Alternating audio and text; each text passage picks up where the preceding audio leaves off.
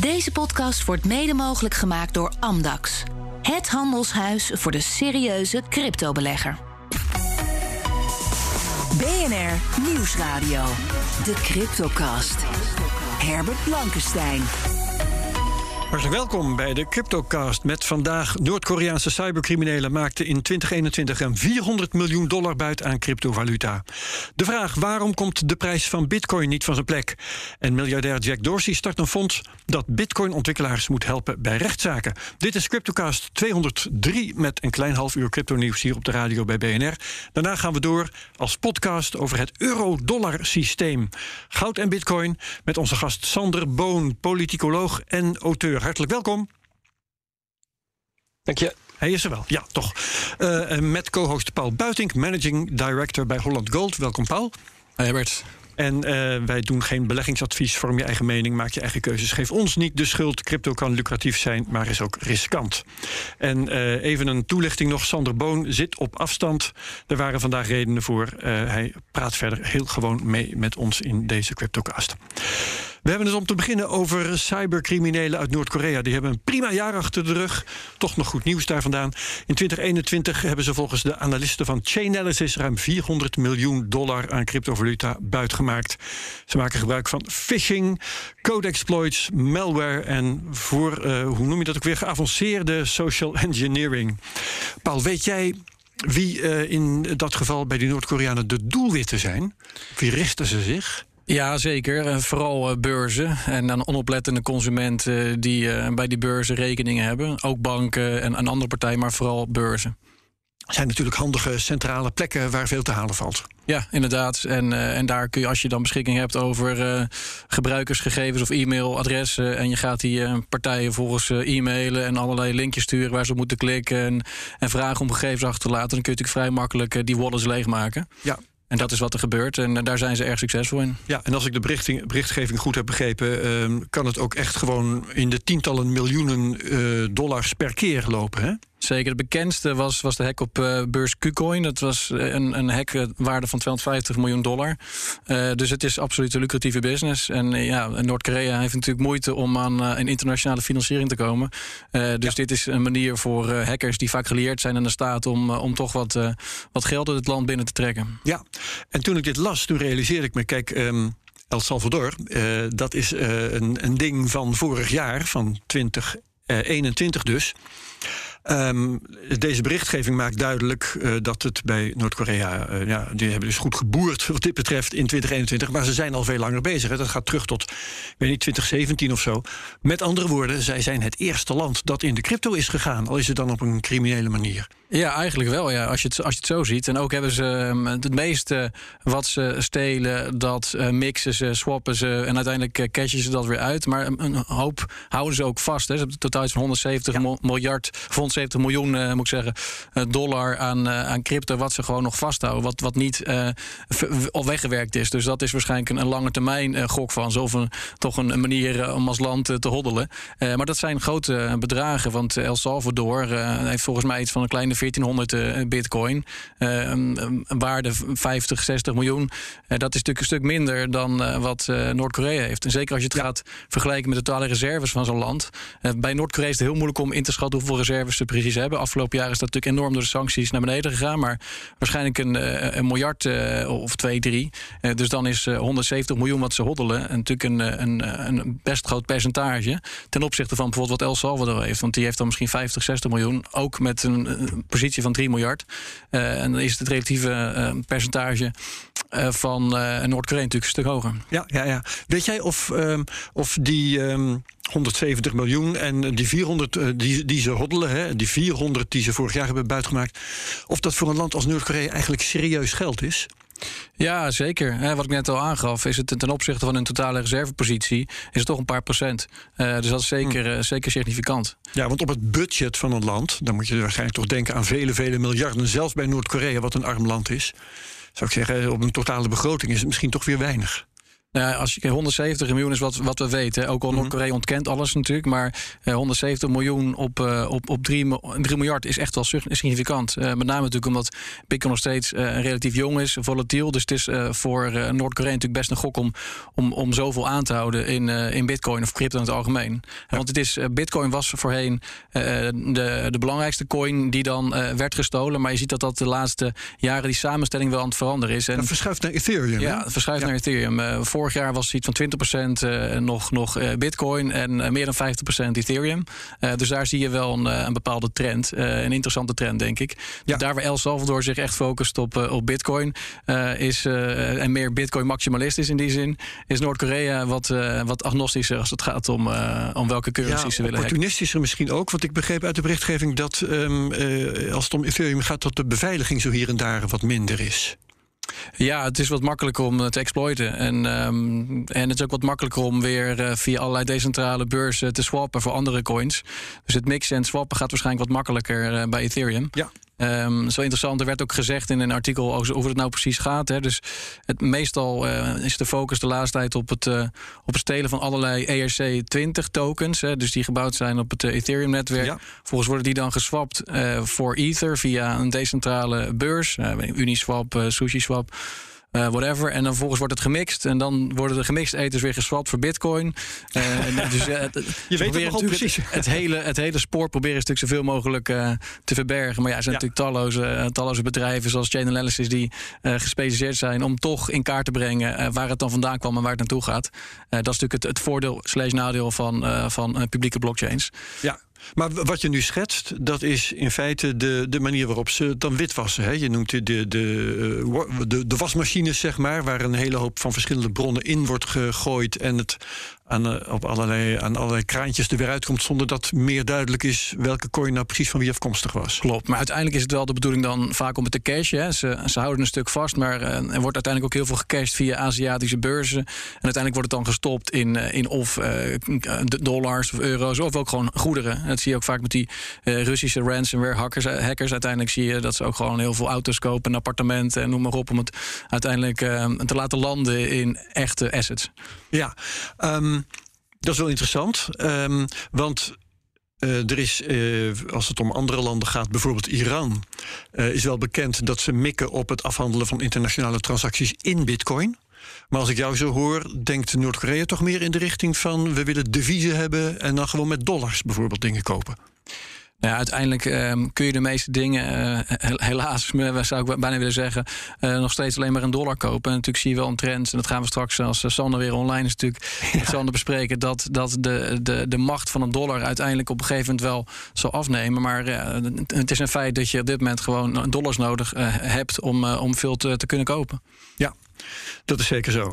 Ehm, die eh, internationale sancties, ehm, ja, is het is eh, Bitcoin veroveren in dit geval, eh, stelen eh, eh, en aanhouden, is dat een perspectiefrijke manier om aan die internationale sancties te ontkomen? Dat is ook wat Iran probeert. Ehm, Ja, het is lukt dat Noord-Korea ook hier? kat in de nauw maakt rare sprongen. Je zag ook al eh, eh, vorig jaar dat het, het bewind in Noord-Korea ehm, het volk verplicht om hun buitenlandse deviezen om te ruilen of, of in te leveren bij, eh, bij de overheid. Eh, ze willen zoveel mogelijk eh, het gebruik van de eigen munt, won te, ehm, te, te promoten en zoveel mogelijk mensen daarin vast te zetten.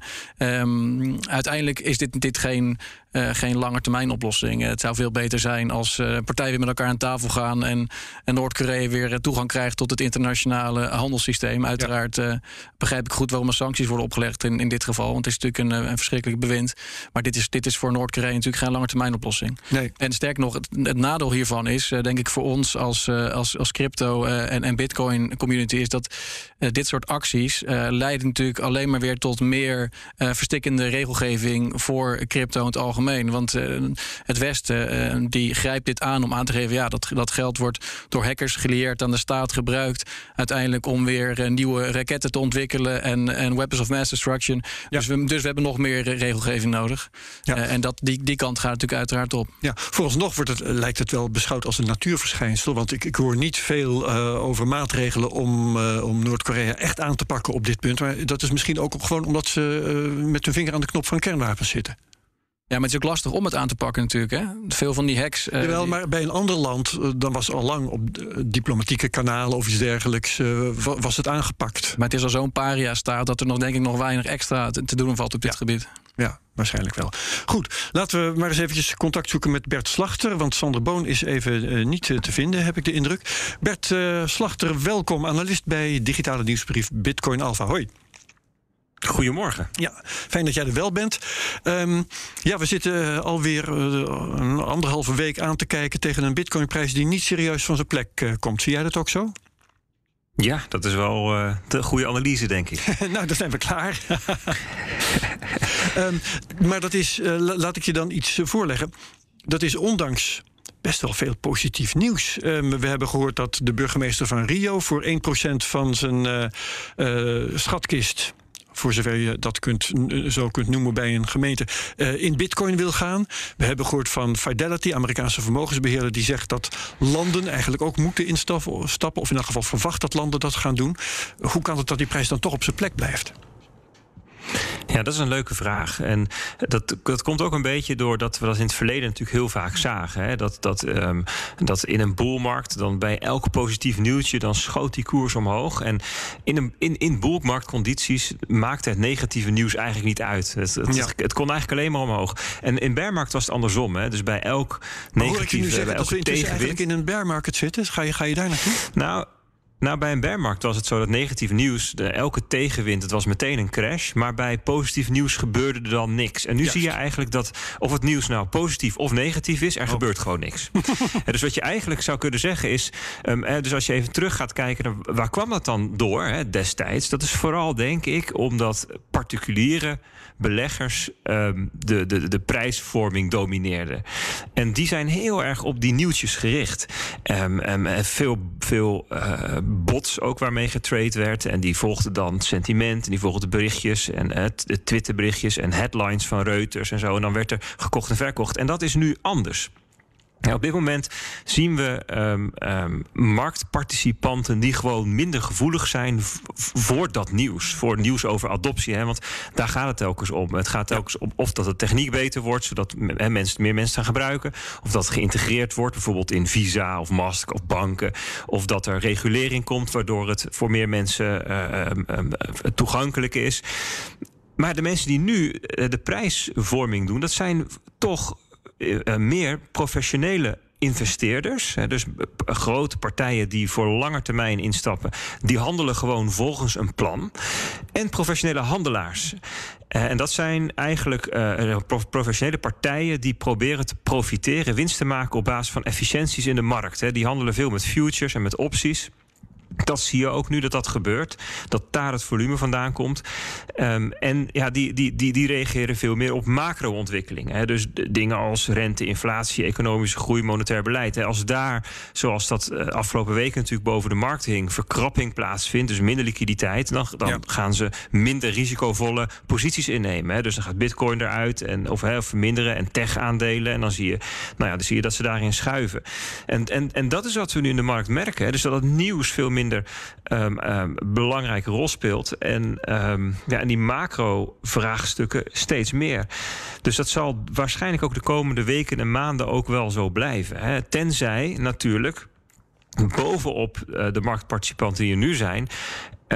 Er weer meer organische vraag terugkomt. En dat, ja. dat kan zijn dat de particuliere speculanten terugkomen. Of het kan zijn dat het feitelijk in gebruik genomen wordt in grotere ja. stukken. En, en, het punt is wel, uh, Herbert, dat het gaat nu echt om grote bedragen. Wel even een interessant feitje. Tussen 2009 en de top van 2017 was er in totaal zo'n 80 miljard dollar crypto ingestroomd. Ja. Of bitcoin ingestroomd. Mm -hmm. Bitcoin, laten we over bitcoin hebben. Ja, okay. dat, is exact, dat is exact evenveel als in de afgelopen zes maanden. Oeps, ja ja. dus er is met de huidige koersen is er gewoon ontzettend veel meer instromend kapitaal nodig. Ja. Um, om, om, het, om de koersen zeg maar min of meer stabiel te houden. Hè? Want de afgelopen zes maanden is. Uh, ja. Uh, dus dus je, je hebt nu niet zoveel aan nog een paar consumentjes, weet je wel. Je hebt nu gewoon echt een veel grotere uh, adoptie nodig. En dat kan op allerlei vlakken zijn. Dat dus kan bijvoorbeeld grote landen, landen zijn. Ja, precies. Ja. ja, hele landen waar ineens bijvoorbeeld, uh, stel dat in India uh, um, uh, er ineens crypto veel meer toegestaan wordt. Ja, dan heb je natuurlijk ontzettend veel kapitaal wat erin kan gaan stromen. Hetzelfde geldt voor um, um, dat, dat grote bankaire systemen worden aangesloten. Of dat nou ja, PayPal, dat zou natuurlijk een, dat is nu alleen in de Verenigde Staten, maar stel dat wereldwijd het gaat doen. Dus dat zijn zaken die voor feitelijke organische vraag kunnen zorgen. En dan zou het kunnen zijn dat de Bitcoin-koers gaat stijgen, ongeacht de macro-ontwikkelingen. Oké, okay. uh, dan uh, hebben we dus uh, nog wel even tijd om uit te zitten en ontwikkelingen om op te wachten. En dat gaan we dus doen. Dankjewel voor je analyse, Zeker. Bert Slachter. meer details kun je vinden in de wekelijkse nieuwsbrief op bitcoinalpha met ph.nl. En wij gaan hier verder praten over nieuws, nog steeds zonder Sander Boon. Jammer genoeg zijn toch wat hardnekkige technische problemen blijkbaar. Geeft niet, want ik heb Paul Buitink hier. Um, en we gaan het hebben over Jack Dorsey. Hij is miljardair, hij is CEO van Block, dat noemden we tot voor kort Square. En hij begint een fonds dat Bitcoin-ontwikkelaars moet helpen steunen bij rechtszaken. Is dat dan een probleem, Paul? Het Bitcoin Defense Fund, inderdaad, ja. Ja. Ja, dat is wel een probleem. Um, eigenlijk om meerdere redenen. Maar heel recent uh, en concreet is er een, uh, een zaak gestart door uh, Craig Wright, ook al bekend als Fake Toshi. De man die beweert, maar niet bewijst, ja. dat hij Satoshi Nakamoto is. Inderdaad. Um, die is een, een rechtszaak gestart tegen 16 Bitcoin developers.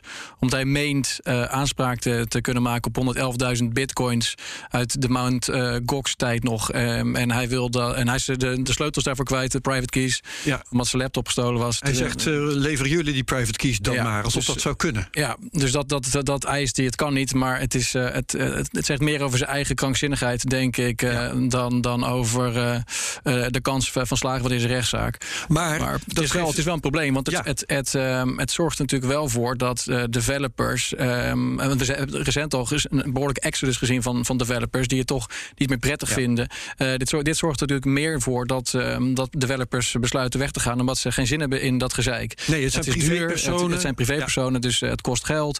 Het is risicovol. Je wilt natuurlijk niet, een, niet in de gevangenis belanden. En dus om die reden heeft... Of schadevergoeding ja, in de broek krijgen. Heeft Jack Dorsey, natuurlijk die nog steeds zeer groot Bitcoin-fan is. Die heeft op zijn Twitter-bio alleen maar staan Bitcoin. En die heeft zijn bedrijf um, Square, nu Block, eigenlijk steeds meer omgevormd tot een Bitcoin-bedrijf. Die heeft ja. gezegd, nou weet je, ik ga gewoon samen met een andere, aantal anderen zo'n fonds starten... Uh, waar developers dan um, geld uit kunnen krijgen om zichzelf te beschermen en te verdedigen tegen dit soort uh, ja. rechtszaken. Maar dat is blijkbaar ook vanwege het vooruitzicht dat zoiets vaker zou kunnen gebeuren. Ja. Is dat een redelijk vooruitzicht? Nou ja, als je bijvoorbeeld alleen maar kijkt naar de aankomende wet en regelgeving in Europa, hè, de, de markets in, in crypto assets regulation. Ik kan me herinneren dat daar ook een tekst in staat dat uh, mensen die de software schrijven, die wallet software schrijven of, of protocol software schrijven, dat die uh, zich ook moeten aanmelden, dat die gereguleerd moeten worden. Dus er zijn allerlei uh, persoonlijke risico's als jij meewerkt of bijdraagt aan dit ecosysteem. dus ik ja. denk dat, dat het alleen maar relevanter gaat worden in de toekomst. Ja, dus het is wel een goede kracht die door, door ze hier in het leven roept. Zeker. Ja. Um, hij doet nog wat anders, uh, dat begrijp ik minder. Um, hij wil een, uh, open, een open source mining systeem van de grond krijgen. En dan dacht ik dat mining, dat gaat met open source software om te beginnen. Uh, dus wat valt daar nog meer open aan te maken? En bovendien, ja, daar heb je apparatuur voor nodig. Die is duur, die kun je ook moeilijk goedkoop krijgen. Dus wat kan hij nou precies veranderen aan dat miningproces? Nou, hij wil ook een eigen chip ontwikkelen, een eigen ASIC-chip. En die wil hij dan ook open source uh, beschikbaar maken. Althans, in ieder geval de mensen kunnen zien hoe die hardware wordt gemaakt. Dus dat, dat, is natuurlijk, dat is natuurlijk een vooruitgang. Hardware wel goedkoper kunnen maken. Ja, of in ieder geval um, uh, wordt het dan duidelijk hoe je het moet maken. En dan kun je het meer op een decentrale wijze vervaardigen. Okay. Uh, dus dat is positief. En hij wil het, ja, het makkelijker maken voor mensen om gewoon plug-and-play zelf te kunnen minen. Ik, ik vraag me af of, of dit gaat werken. Ik zie meer eigenlijk in dat defense fund. En waar Dorsey wellicht wellicht voor moet waken, is dat hij. want hij heeft nu natuurlijk zijn bedrijf is aan het omvormen. En hij zelf heeft volgens mij iets van 24% van, van Blok. Hij heeft opgericht. Maar als je kijkt naar de beurskoers van Blok, afgelopen jaar is dat met, of afgelopen half jaar is dat iets met 40% gedaald. Dus ik vraag me af of de aandeelhouders wel zo heel blij zijn met, met alles wat het doen is. dus ik, ik, hoop niet dat die. Dat hij het, het, of de kip met het gouden ei gaat slachten. Omdat hij alles, al zijn effort steekt in, in Bitcoin. Ik denk niet, niet dat dat blok daar volledig voor gebruikt moet gaan worden. Dus daar moet hij denk ik persoonlijk zelf voor waken. Maar het zijn allemaal mooie initiatieven. Want het zorgt wel voor, voor meer kracht binnen het systeem. En ik hoop wel dat hij het op een open en decentrale wijze ook gaat doen. Net zoals dat fonds, dat defense van, dat hij dat wel heel transparant gaat neerzetten. Het liefst dat het een soort van decentralized autonomous organization wordt. Dat we precies zien wat voor funding er is. Dat, dat er gestemd kan worden over hoe die fondsen dan worden verdeeld onder de developers. Zodat het echt een beetje in de spirit van, van, van de space gaat. Oké, ehm, dat uh, fonds dat zal er vrij snel zijn. Uh, dat uh, open mining systeem zal wat meer tijd kosten, omdat er nou eenmaal, hardware voor ontwikkeld moet worden. Dus daar wachten we wat langer op. Um, intussen hebben we nog steeds Sander Boon niet terug. We gaan het wel even hebben nu met elkaar over waar we het dan straks in de podcast over gaat. En dan zullen we met het opnemen van die podcast wachten tot we Sander echt weer terug hebben. Um, maar kun jij uitleggen, het, het, boek van Sander, waar hij aan meegewerkt heeft met twee andere auteurs, heet Van Goud tot Bitcoin. En daarin legt hij uit uh, iets wat ik van tevoren niet kende, het euro-dollar systeem. Kun jij heel in het kort uitleggen wat wij zo direct gaan bespreken? Ja, het is echt razend interessant. Uh, Sander is uh, de specialist op dit gebied in, in Nederland. En hij omschrijft in dit boek, in deel 2 van het boek, van het boek kent drie delen. Een stuk monetaire geschiedenis, een stuk euro-dollar en dan crypto.